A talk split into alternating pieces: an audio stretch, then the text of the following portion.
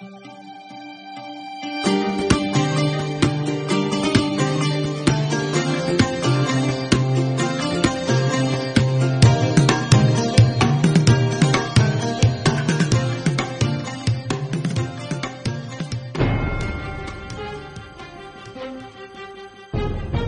الموت المفاجئ من الحاجات اللي فاجعة بمعنى الكلمة وبالذات لو كان حد صغير في السن. أصبحت فينومينا أصبحت ظاهرة بنشوفها كثيرا آخر 10 15 سنة. مش جوه مصر وبس لكن في العالم كله. وابتدت تثير انتباه الكثير من الأطباء. الحاجات اللي الولاد بياخدوها في الجيم عشان يكبروا العضلات بتاعتهم الحاجات دي خطيرة برضه. ما بين أول حالة وآخر حالة كان في حالات كثيرة جدا كان بيتم إنقاذها وأيضا للأسف كان بتأتي حالات لا نستطيع إن إحنا نسيطر على كهرباء القلب والإنسان ممكن يتوفى ودي خطورة هذا الأمر. تلاقي شاب من دول عايش حياته عمره ما اشتكى من أي حاجة وفجأة اشتكى من صداع شديد قوي حالته اتدهورت راح المستشفى أشعة مقطعية طلع طبعا في نزيف شديد وممكن يؤدي لا قدر الله إلى الوفاة الكلام ده ممكن يحصل في خلال ساعات أو بالكتير يوم يعني. كل ما يخص الشرايين التاجية بنهتم بيه جدا في الناس اللي هم أكتر من 35 سنة خاصة لو كان عنده تاريخ مرضي في العيلة بالموت المفاجئ يعني تيجي زوجة المريض تقول لك والله ده وهو نايم لاحظنا آخر أسبوعين ثلاثة إن بيخش في نوبات من الشخير مستمرة ونومه أصبح نوم عميق جدا. إنساش مره أهل المريض قال بنحس يا دكتور إنه غطسان في النوم. الحقيقة التدخين من أهم عوامل الخطورة اللي ممكن تؤدي إلى الموت المفاجئ بالذات في سن الشباب. ضغوطات الشغل ضغوطات الحياة الاقتصادية ضغوطات الحياة العائلية. كمية ضغوطات بيتعرض ليها الإنسان في الوقت الحالي قوية جدا. قد تكون في بعض الأحيان فوق احتمال الإنسان الطبيعي وبتمثل عامل خطورة قوي جدا للموت المفاجئ.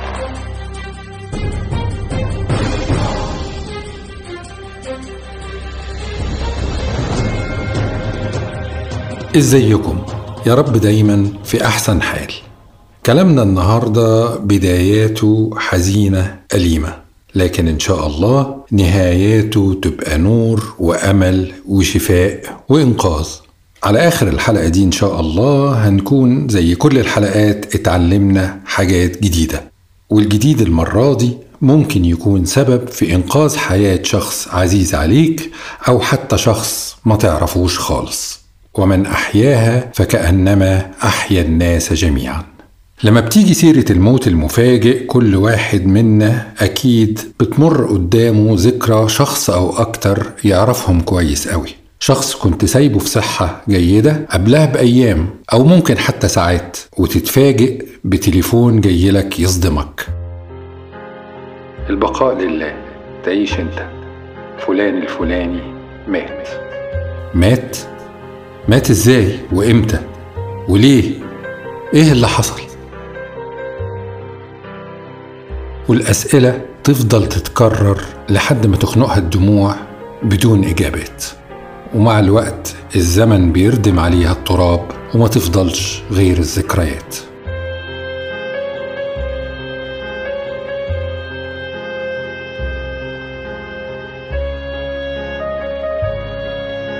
أنا شخصيا لما بتيجي سيرة الموت المفاجئ بفكر في أبويا الله يرحمه. نام ومصحيش تاني بدون ما يكون عنده أي مرض مسبب للوفاة. ولحد دلوقتي ما نعرفش إيه كان سبب الوفاة. بفكر في زميلي في كلية الطب اللي توفى في فرح أحد الأصدقاء. بفكر في أحد الدكاترة الأعزاء اللي درسولي في كلية الطب وتوفاه الله وهو نايم الظهر لما مراته جت تصحيه واكتشفت وفاته كان في أوائل الأربعينات من عمره. بفتكر محمد عبد الوهاب لاعب النادي الأهلي الرئيس السابق محمد مرسي الفنان هيثم أحمد زكي الفنان ممدوح عبد العليم وحديثا الفنان مصطفى درويش وغيرهم ربنا يرحمهم جميعا. الموت طبعا حق علينا جميعا وبالنسبة للمتوفى نفسه مش شرط يكون أسوأ. كتير ترقب الموت وانتظاره والتدهور اللي بيحصل قبله بيكون أسوأ. لكن هو بالتأكيد مصيبة مفجعة لأهل المتوفى وأحبابه وأصدقائه. الموضوع طبعا له جوانب متشعبة كتير دينية وفلسفية وعاطفية وحتى اقتصادية. لكن إحنا هنركز في حلقتنا النهاردة على المحتوى الطبي الصحي للموضوع.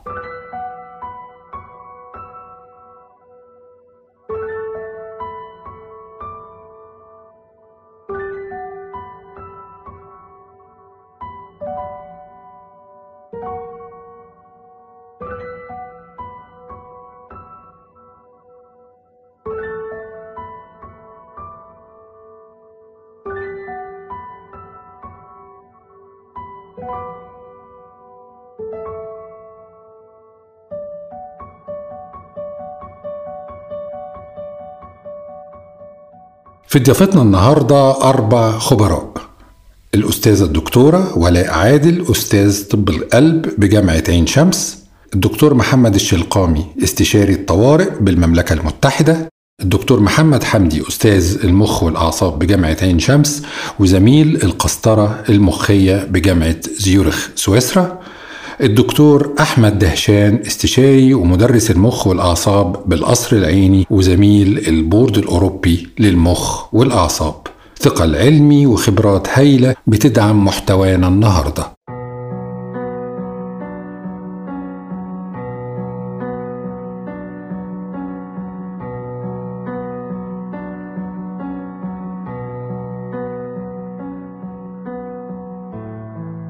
نبدأ مع الدكتورة ولاء وندخل في الجد على طول. طبعا إحنا لما بنسمع أو نقرأ عن موت مفاجئ لأي شخص في اسطمبة كده أزمة قلبية حادة أو هبوط حاد في الدورة الدموية والتنفسية. ده طبعا اللي بيكتبه مفتش الصحة في شهادة الوفاة بشكل روتيني. إيه بقى اللي أدى للأزمة القلبية أو هبوط الدورة الدموية دي بشكل مفاجئ؟ إيه الأسباب من منظور حضرتك كأستاذ لأمراض القلب؟ هو ممكن طبعا يحدث لجميع الفئات العمرية. أقل من 35 سنة بنقول عليه في السن الصغير أو أكتر من 35 سنة للسن الكبير. أكتر من 35 سنة أغلب الأسباب بتبقى نتيجة تصلب الشريان التاجي أو أسباب خاصة بالشرايين التاجية للقلب. في السن الصغير اللي هو أقل من 35 سنة الأسباب ممكن تكون مرض بالقلب سببه أمراض وراثية أو غير وراثية ضعف بعضلة القلب ممكن تضخم بعضلة القلب الوراثي بعض أمراض الشريان التاجي التهابات عضلة القلب بتكون ناتجة مثلا عن إصابة بميكروب سواء بكتيريا أو فيروس. كمان موت الفجائي ده ممكن يحصل لو ما كانش في مرض في القلب. بيكون ممكن مثلا تسمم ببعض الأدوية طبعا ناخد بالنا الكحوليات الكوكايين ال amphetamines الحاجات اللي الولاد بياخدوها في الجيم عشان يعملوا عضلات ويكبروا العضلات بتاعتهم الحاجات دي خطيرة برضو. وبعض الأدوية اللي ممكن تسبب اختلال في كهربة القلب يعني بتسبب حاجة معينة بتبان في رسم القلب بتطول مسافة معينة في رسم القلب إحنا بنعرف نشخصها.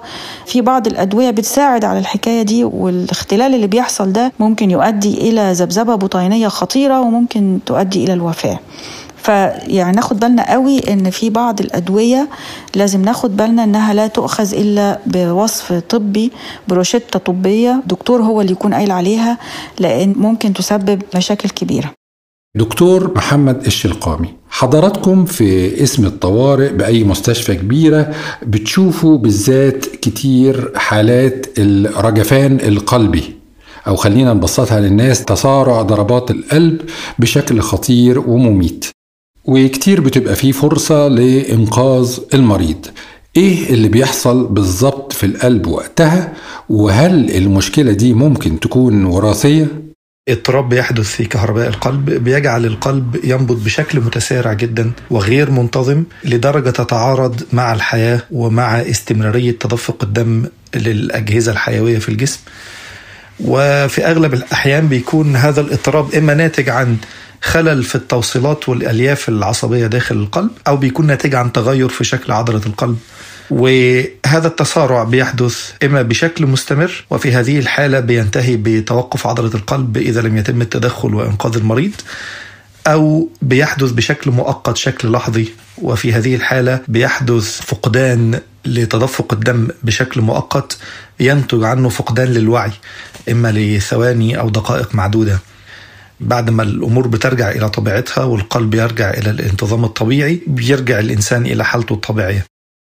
الأبحاث بشكل تاريخي وبشكل حديث أثبتت وجود علاقة وراثية إن هذا المرض متكرر في العائلة الواحدة بالأخص أمراض اضطراب الألياف العصبية ودي مجموعة أمراض مش مرض واحد يعني.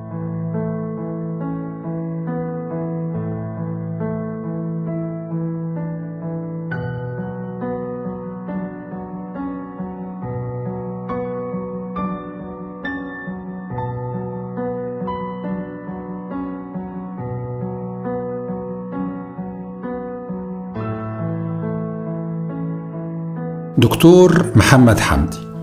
الناس ابتدوا يلاحظوا إن الموت المفاجئ نسبته زادت قوي الأيام دي عن زمان خصوصا في السن الصغير.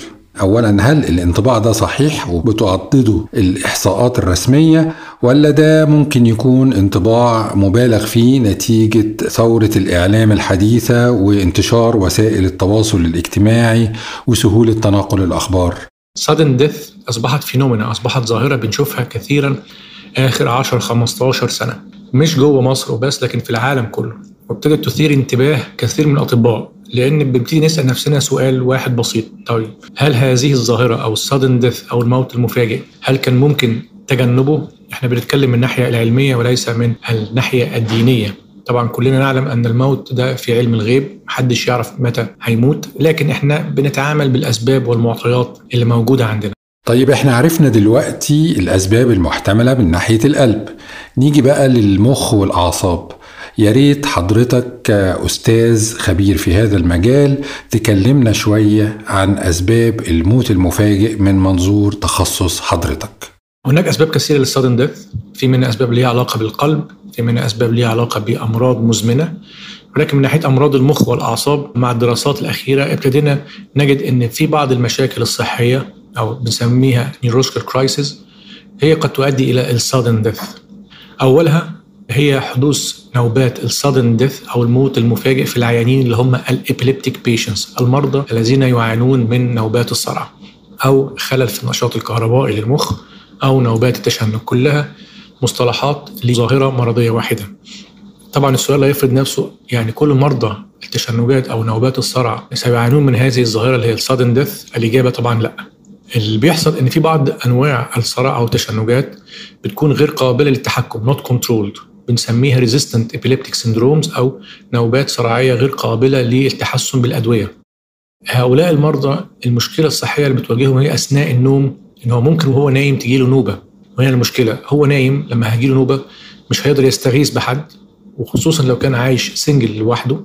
بتكمن المشكلة هنا إن هو أثناء النوبة بتكون سبب الوفاة يا إما هو بلع لسانه فاللسان قفل مجرى الهواء ومجرى التنفس فتوفاه الله أو مع النوبات المتكررة العنيفه ممكن بيحصل إن راس المريض نفسه بتخبط في إما طرف السرير يا إما في الأساس اللي موجود حوالين السرير فبيحصل له نزيف داخل المخ. فكلتا الحالتين هم دول بنسميها the most common cause أو أكثر سببين ثلاثة أو أسباب متعددة هي ينتج عنها ال sudden death الموت المفاجئ في مرضى نوبات الصرع الغير مستقرة والتي يصعب التحكم فيها. عشان نطمن الناس مش كل مرضى الصرع سوف يعانون من هذه الظاهرة ولكن مرضى ب certain criteria فيهم بعض الصفات والسمات.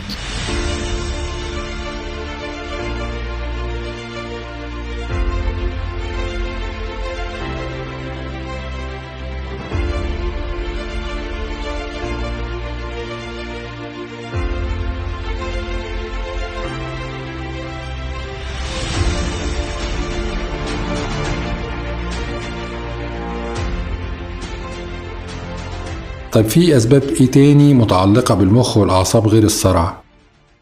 سبب آخر وهي من الأسباب اللي ابتدينا نلاحظها تؤدي إلى حدوث ال sudden death في مرضى عندهم مشاكل في الجهاز العصبي هي ظاهرة بنسميها central sleep apnea يعني إيه؟ للتسهيل والتوضيح إحنا كلنا بنتنفس أوتوماتيك محدش مننا بيفكر إنه يتنفس ما حدش مننا بيدي أمر للمخ please خلينا نتنفس وإلا كلنا كنا أثناء فترة النوم توفانا الله. طول ما إحنا على قيد الحياة في center للتنفس بنسميه respiratory center موجود في منطقة جذع المخ تلقائيا وأوتوماتيك بيطلع نبضات كهربائية عشان تحفز عملية التنفس. بنسميها respiratory drive طيب إيه اللي بيحصل؟ في هناك بعض المرضى بيكون عندهم خلل وإصابات في منطقة جذع المخ فينتج عنها إصابة في مركز التنفس اللي موجود في جذع المخ اللي بيعمل تلقائيا. فبيجي في فترة أثناء فترة النوم ويحصل له حاجة اسمها بوز يعني الدرايف أو النبضات الكهربائية اللي بتطلع بتتوقف. هنا بتكمن المشكلة. المخ جهاز حساس. الجهاز العصبي لا يستطيع أن يقاوم نقص الأكسجين. لو استمرت هذه الظاهرة أو النبضات التي تظهر ويتم انتشارها من جذع المخ تتوقف التنفس هيتوقف والمريض سوف يتوفاه الله وهو نايم. خلي بال حضراتكم في بعض الدلالات بنسميها predictor values ممكن بتقول المريض ده سوف يعاني من هذه المشكلة ولا لا. يعني واللي بيعرفها هم ال care givers أو المحاطين للمريض. يعني تيجي زوجة المريض تقول لك والله ده وهو نايم لاحظنا آخر أسبوعين ثلاثة إن بيخش في نوبات من الشخير مستمرة ونومه أصبح نوم عميق جدا. ما انساش مرة أهل المريض قال بنحس يا دكتور انه غطسان في النوم. جملة غريبة لكنها معبرة لأن فعلا المريض لما مع توقف النفس كأنه أصبح على حافة الهوية وبعد كده بيرجع يتنفس تاني. فده سبب من أسباب حدوث السادن ديث أو الموت المفاجئ في مرضى يعانون من مشاكل في الجهاز العصبي. آخر حاجة which is the most common برضك الدراسات وجدت إن كثير من المرضى الذين يعانون من نزيف في المخ يحدث أثناء فترة النوم بيحصل لهم sudden death. وهنا برضك السؤال التقليدي مين المرضى اللي هم أكثر عرضة لحدوث نزيف في المخ أثناء فترة النوم؟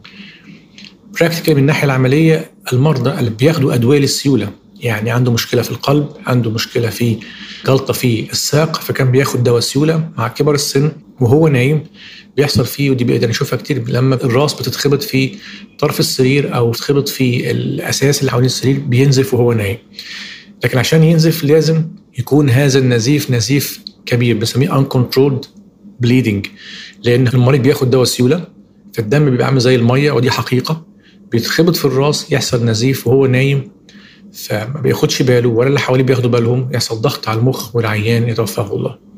السبب آخر وهو وجود تشوهات في شرايين المخ أو وجود تمدد شرياني ال AVM أو الأنيوريزم بيكون المريض نفس الفكرة عنده تمدد شرياني أو تشوه في شرايين المخ ودي تبقى قابلة للناس في أي لحظة وهو نايم ضغطه بيرتفع أو بيكون بياخد دواء سيولة لسبب مرضي آخر ويحصل فيه ارتفاع في ضغط الدم يحصل فيه نزيف. هذا النزيف بيكون نزيف داخلي داخل الجمجمة. نتيجة لوجود أدوية سيولة فبيبقى فعلا الدم شبه المية بالظبط يصعب توقفه مع تجمع دموي كبير يحدث من بعدها ضغط على المخ وجذع المخ والمريض بيتوفى.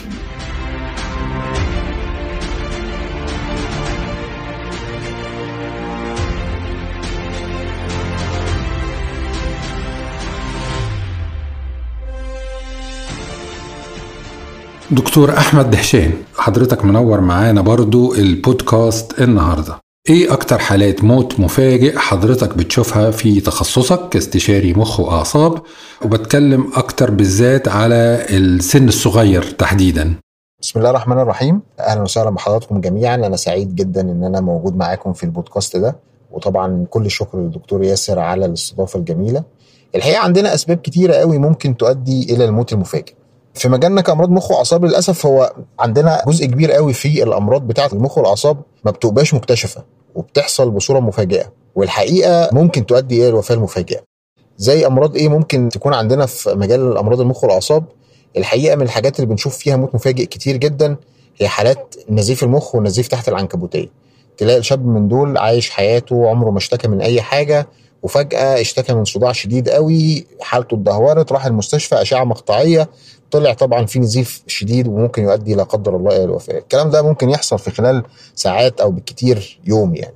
الحالة دي جزء كبير فيها ممكن يبقى متعلق بالوراثة بتلاقي ناس كتير قوي من بعض العوائل كده فيهم مشاكل جينية تؤدي إلى تمددات في الشرايين أو كده فلما بيحصل تمدد شرياني ممكن يحصل معاه مع أي ضغط أو زيادة في ضغط الدم أو حاجة يحصل انفجار في التمدد الشرياني ده ويؤدي إلى النزيف تحت العنكبوتية أو نزيف المخ اللي ممكن لا قدر الله يؤدي إلى الوفاه وده بنشوفه كتير في السن الصغير بالذات. من الأسباب برضو التانية في مجال المخ والأعصاب إن يحصل لا قدر الله جلطات في المخ. وأسباب جلطات المخ بالذات في السن الصغير كتير قوي. على سبيل المثال طبعا لو حد لا قدر الله عنده مثلا مشكلة في القلب بعض الناس اللي يكون عندهم rheumatic heart disease أو روماتيزم على القلب بيحصل إن بيبقى في مشكلة في ضربات القلب أو يتكون جلطات جوه القلب فالجلطات دي تروح المخ وتقفل حاجة من الأوعية الدموية الكبيرة اللي بتوصل دم المخ تؤدي إلى جلطات في المخ تؤدي إلى الوفاة المفاجئة لما تكون جلطة كبيرة في الحجم. كمان من الأسباب المشهورة جدا للجلطات المخية بالذات في السن الصغير تعاطي المخدرات. الحقيقة بعض أنواع المخدرات بتؤدي إلى فازو كونستريكشن كده أو إن الاوعيه الدمويه المغذيه للمخ يحصل لها انقباض فالدم الواصل للمخ ينقطع أو يقل ويؤدي ذلك إلى حدوث جلطة والوفاة المفاجئة. طيب يا دكتورة ولاء هل في مثلا احتياطات معينة أو علامات تحذيرية ريد فلاجز زي ما بيقولوا ننبه الناس ليها؟ يعني علامات لو ظهرت عند حد من الأصدقاء المستمعين نقول له لا لا خلي بالك أنت عندك عوامل خطورة ولازم تكشف وتعمل فحوصات علشان تلحق نفسك. ممارسة الرياضة العنيفة لابد من تقييم الشخص بشكل خاص قبل ممارسة أي رياضة عنيفة. كمان وجود أعراض يعني يكون الشخص بيشتكي من أعراض أصلا لاضطراب نبض القلب زي مثلا عنده شعور بالرفرفة أو عنده شعور بعدم انتظام نبض القلب أو حصل له قبل كده حدوث مفاجئ إغماء أو دوخة أو نهجان.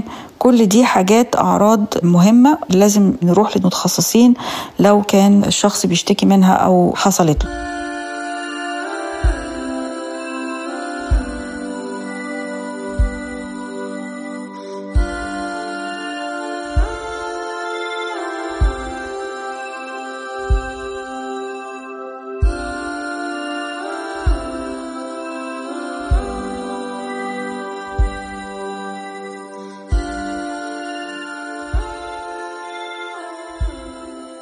دكتور أحمد دهشان إيه هي عوامل الخطورة بقى من ناحية المخ والأعصاب أو العوامل اللي بتؤدي للنزيف والجلطات اللي حضرتك ذكرتها كأسباب للوفاة المفاجئة طبعا من أهم عوامل الخطورة الأمراض المزمنة يعني الناس اللي بيبقى عندها ضغط أو سكر أو زيادة في الكوليسترول بتاع الدم أو زيادة في الدهون بتاعة الدم أو تصلب في الشرايين دي كلها عوامل خطورة ممكن تؤدي إلى طبعا الوفاة المفاجئه الأمراض المزمنة دي في السن الصغير أوقات كتير الناس بتستثقل إن هي تاخد دواء بصورة مزمنة إنها تتابع الضغوطات بتاعتها أو قياسات السكر بتاعتها أو إنها تتابع دهون الدم بتاعتها الحاجات دي كلها الحقيقة في منتهى الخطورة.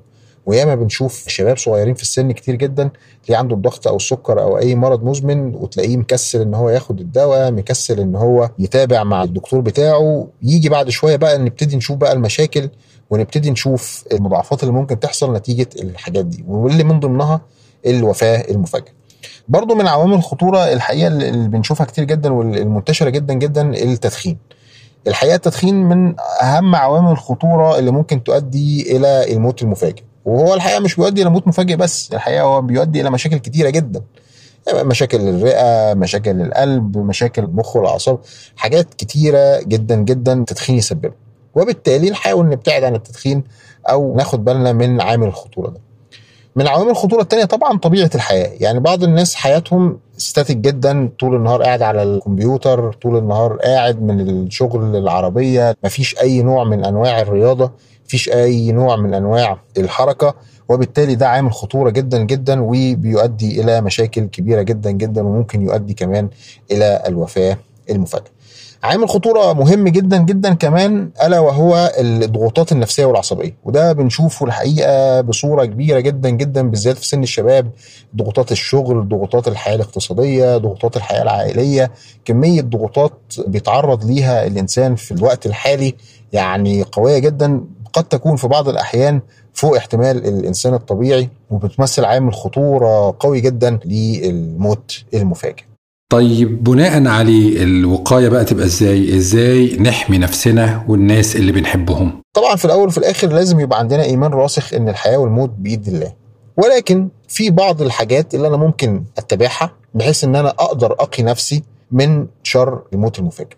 أول حاجة لو أنا عندي مشاكل صحية مزمنة أبتدي أعالجها وآخد بالي منها كويس جدا. الكسل في المتابعه للأمراض المزمنة السايلنت ما بيبقاش ليها أعراض كبيرة ظاهرة في أولها. الحقيقة بيؤدي إلى توابع خطيرة جدا. ياما بنشوف شباب صغير في السن تلاقيه عنده مشكلة مزمنه كسل في علاجها كسل ان هو ياخد الدواء كسل في المتابعة بعد شوية يجي بيه مشكلة كبيرة. وبالتالي لو أنا عندي أي مرض مزمن لازم أتابعه لازم كل فترة أروح للدكتور بتاعي لازم لو في علاج معين باخده ألتزم بالعلاج بتاعي. الحاجة التانية المهمة طبعا لازم يبقى جزء في حياتي مهم جدا الرياضة. الرياضة من الحاجات المهمة جدا وأقلها خالص أنا راجل مشغول ما عنديش وقت مش عارف إيه أقلها خالص المشي. خصص لنفسك في اليوم على الأقل نص ساعة من المشي ولازم مع المشي لازم تبقى جسمك مروي كويس لازم تشرب مية كتير. الرياضة من الحاجات المهمة جدا سواء إنها بتحسن الحالة النفسية وبتقلل الاستريسورز أو بتقلل الضغوطات الحاجة التانية بتساعد في إن أنا أتحكم في المشاكل المزمنة لو أنا عندي مشاكل مزمنة زي الضغط والسكر والكلام ده. ممارسة الرياضة من الحاجات المهمة جدا أو من أكتر النصائح اللي ممكن نساعد بيها نفسنا إن إحنا نتقي شر الموت المفاجئ. الحاجة الثالثة المهمة طبعا لازم نبعد عن التدخين والتدخين لازم نبعد عنه بكل صوره. سواء تدخين سجاير الشيشه السجاير الإلكترونية حتى even التدخين السلبي الابحاث وجدت إن حتى الناس اللي بتتعرض للتدخين السلبي التدخين السلبي ده بيزود ال risk للموت المفاجئ وبيزود ال risk لأمراض القلب وأمراض الشرايين وأمراض المخ والأعصاب زي الجلطات وخلافه الحاجة الرابعة طبعا لازم نحاول قدر الإمكان نقلل ال stresses الضغوطات النفسية والعصبية لازم كل واحد يبقى واعي لصحته النفسية لازم نبقى واعيين للحاجات اللي بتعمل لنا stress ونحاول قدر الإمكان نبعد عنها. نحاول قدر الإمكان نوجد لنفسنا وقت أكون فيه مع نفسي أحاول أصفي ذهني أبعد عن الموبايل أبعد عن ال social media أبعد عن الحاجات اللي بتضغطني. إن شاء الله كل أسبوع لازم يوم أجازة كده تفصل فيه عن الدنيا كلها بحيث ذهنك يصفى وتبتدي ال stress تقل وتشحن كده زي ما بيقولوا أو تعيد شحن البطارية عشان تقدر تكمل في حياتك بصورة جيدة.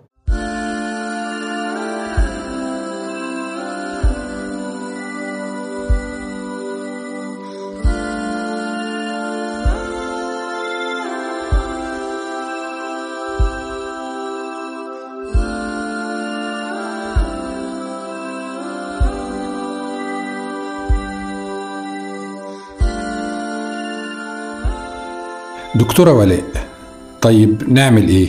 نفترض إن حد بعت لي بعد الحلقة دي وقال لي أنا قلقان من موضوع الوفاة المفاجئة دي وعايز أعمل check up أو كشف مبكر أطمن على نفسي أو على مراتي أو ابني وبنتي أو والدتي أو والدي ايا كان يعني. أنصحه بإيه الشخص ده؟ لو قلت لك مثلا يجي لك العيادة هتعملي له إيه في العيادة؟ نزود الوعي إن الناس تجيلنا دي أول حاجة. ولما يجيلنا بقى هنشوف التاريخ المرضي إذا كان عنده أي مشاكل قبل كده الحاجات اللي قلنا عليها في الأسباب دي نحاول نسأل إذا كان عنده أي أعراض أو أي مشاكل اشتكى منها من ناحية القلب قبل كده. ضربات غير منتظمة إغماءات سابقة اضطراب في نبض القلب أو دوخة أو نهجان. وبالذات لو كان بيلعب مثلا رياضة وحصل له حاجة من الحاجات ديت بعد ما خد مثلا خبطة جامدة على صدره كورة مثلا خبطت في صدره وحس بعدها بان هو ضربات قلبه غير منتظمة وقع على الأرض أو حاجة. دي كلها علامات مهمة جدا جدا جدا. بعد كده بنبتدي نفحص الشخص ده فحص كلينيكي. نبتدي نستثني الأمراض اللي قلنا عليها اللي هي تكون موجودة في القلب نفسها. لو لقينا أي حاجة مشكلة في الفحص نسمع بالسماعة ونشوف نعمل فحص كامل يعني. لو لقينا أي حاجة بالفحص خلاص بنكمل في الفحوصات التانية المعملية والتصوير أو رسم القلب أو كده على حسب إن إحنا نشخص المرض اللي موجود عنده تشخيص كامل وياخد علاجه. لو ما لقيناش بقى حاجة وده أغلب الناس يعني أغلب اللي بيجوا في السن الصغير ما بنلاقيش حاجة خالص في الفحص الكلينيكي بنبتدي نسأل على التاريخ المرضي في العيلة. اولا في زواج أقارب في العيلة ولا لأ؟ هل العيلة ديت حصل فيها قبل كده موت فجائي؟ ولو كان حصل فيها موت فجائي حصل لمين أنهي درجة قرابة بالنسبة للشخص ده؟ ولو الموت الفجائي ده حصل حصل في سن كام؟ مهم قوي نعرف ده. بنبتدي بعد كده نعمل رسم قلب وده أساسي في الكشف المبكر. وحسب بقى التقييم النهائي بتاعنا بنشوف إذا كنا محتاجين نعمل فحص آخر غير رسم القلب ولا لأ. غالبا بنعمل إيكو أو موجات صوتية على القلب. إنما أكتر من كده فحوصات متقدمة عن كده دي بنخليها لما نكون إحنا محتاجين أو حسب بقى النتائج اللي إحنا هنحصل عليها. ننساش كمان الفحص الجيني ده ممكن نعمله برضو لو في عندنا شك إن في حاجة من الأمراض الوراثية أو الجينية موجودة ممكن بنلجأ للفحوصات الجينية.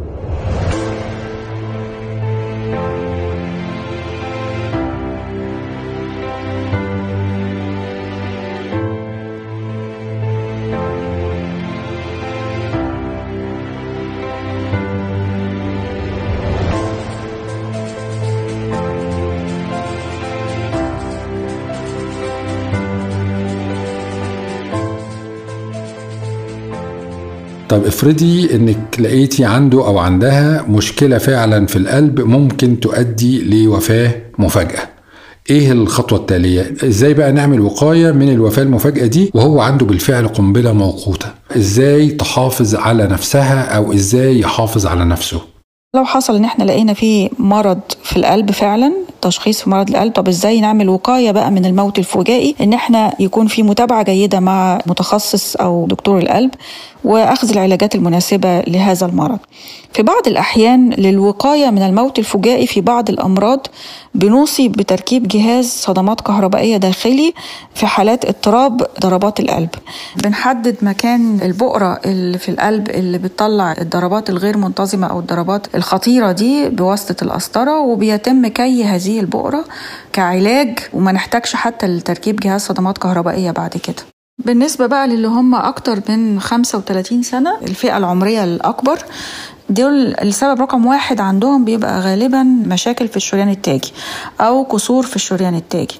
وده طبعا هيمشي في نفس اللي إحنا قلنا عليه من ناحية الوقاية والعلاج وكل حاجة لكن هنهتم قوي بتشخيص قصور الشريان التاجي. يعني هنعمل رسم قلب هنعمل موجات صوتية هنعمل رسم قلب بالمجهود. لو احتاج هنعمل مسح ذري على عضلة القلب. ممكن يحتاج يعمل قسطره كمان.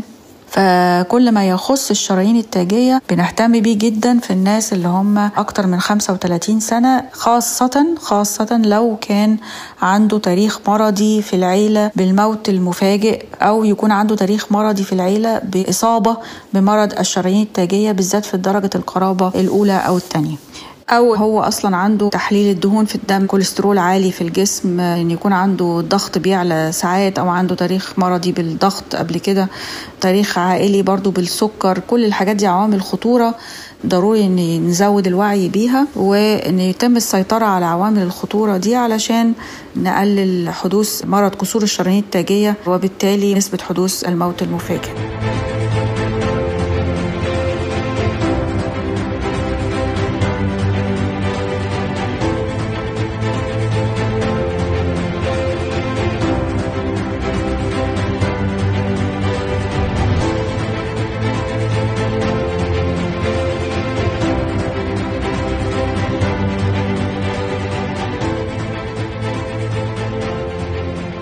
طيب نرجع تاني للدكتور محمد الشلقاوي دلوقتي المريض ما التزمش بنصايح الدكاترة أو ما كانش يعرف يعني إن عنده مشكلة أصلا ووقعت الكارثة. حصلت مش وفاة لأنه لو توفي خلاص مفيش دور للدكاترة. لكن نفترض أنه وقعت الكارثة واقترب من الموت بس لحقوه اتلحق بسرعة أو فقد الوعي بشكل مؤقت ورجع تاني وجابوه لك في الطوارئ. حضرتك كطبيب طوارئ إيه الدور اللي هتعمله هنا؟ طبعا من الشكل اللي لما جينا نتكلم عن الأسباب وقلنا ان هو بيحدث إما التسارع المستمر أو تسارع لحظي ففي هذه الحالة بيكون دورنا إن إحنا نوقف هذا التسارع لأن هذا التسارع يؤدي إلى الوفاة بشكل كامل وبيكون ده عن طريق إعطاء صدمات كهربية للقلب لإيقاف التسارع وأيضا استخدام بعض الأدوية وإعطاء الدعم لبقية الأجهزة الحيوية زي القلب والرئتين وغيره يعني اللي إحنا بنسميه الإنعاش القلبي الرئوي المتقدم.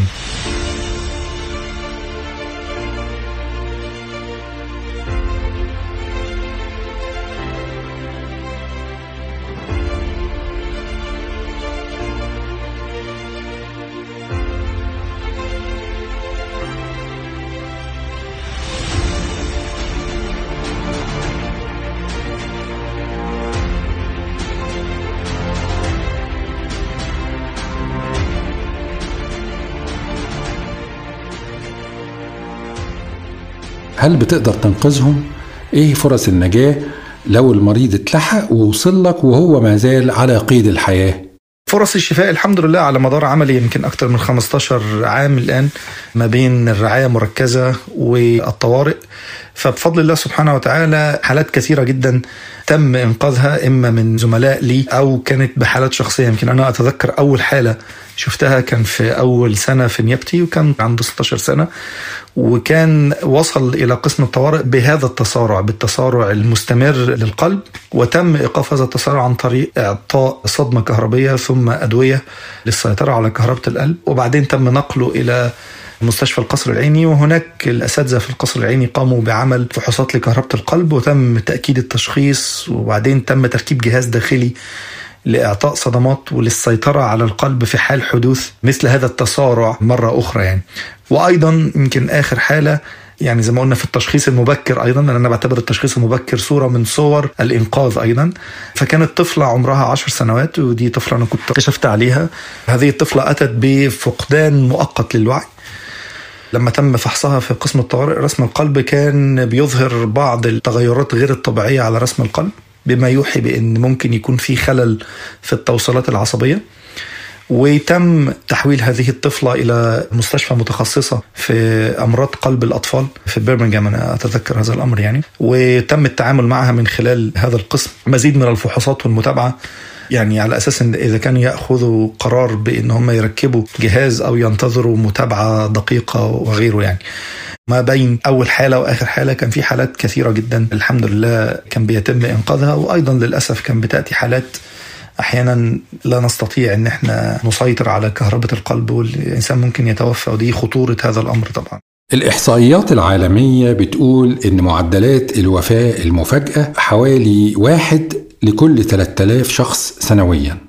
إذا طبقنا الإحصائيات دي على مصر ده هيبقى معناه إن أكتر من 100 شخص يوميا بيموتوا فجأة في مصر. فوارد جدا وممكن حصلت بالفعل للبعض منا إني أبقى في الشارع أو في نادي أو في وسيلة مواصلات أو في مول أو سوبر ماركت وأفاجأ بشخص قدامي وقع من طوله وعلى وشك يموت. أكتر من كده ده ممكن يحصل في البيت ويكون الشخص ده زوج أو زوجة أو أخ أو بنت أو أب أو أم هنحاول طبعا نفوق الشخص لو إغماء عادية ونطلب له الإسعاف أو نجري بيه على المستشفى كشخص عادي مش طبيب ولا حاجة لو لقيناه فعلا بيموت هل ممكن ننقذه أو نكسب وقت على الأقل لحد ما المساعدة الطبية توصل؟ ماذا يمكن أن نقوم به كمجتمع أو كناس غير أطباء أو غير مختصين تجاه هذا الأمر؟ وهنا أول حاجة طبعا إن إحنا بنتصل بالإسعاف طلب المساعدة من المختصين. يأتي بعد ذلك التدريب على الإنعاش القلب الرئوي. مهم جدا جدا جدا لأن جزء من التدريب على انعاش القلب الرئوي ليست فقط ضغطات الصدر ولكن أيضا التعامل مع جهاز الصدمات الكهربائية الذي يمكن أن يوقف هذا التسارع حتى قبل وصول الإسعاف وقبل وصول الخدمة الطبية. ويمكن أنا في التدريب اللي بعطيه لأفراد المجتمع بشكل عام بيتم تدريبهم على كيفية استخدام هذا الجهاز وهو جهاز بسيط جدا لأن هو اوتوميتد يعني هو بيشتغل بشكل آلي يقدر يحلل ضربات القلب اللي موجودة أو الريذم أو رسم القلب ثم يخبرك إن هو لابد من إعطاء صدمة ثم بعد ذلك الجهاز بتدوس فقط يعني تضغط فقط على زر والجهاز يقوم بإعطاء الصدمة يعني. احتفظ بهدوئك. اتبع هذه التعليمات الصوتية. ابدأ بالكشف عن صدر المريض وجذعه. ارفع عنه الثياب أو مزقها إن لزم الأمر. مزق غلاف الحافظة عند الخط المنقط وأخرج منها القطبين. لا تلمس المريض. جاري تحليل ضربات القلب. يرجى الانتظار. سيتم إعطاء الصدمة خلال ثلاث ثوان ثانيتين ثانية واحدة. تم إعطاء الصدمة. يمكنك الآن لمس المريض بأمان. اضغط بسرعة على صدر المريض بمقدار ثلث عمق الصدر ثم أرخي يديك عنه. ابدأ الإنعاش القلبي الرئوي CPR اضغط اضغط اضغط اضغط اضغط,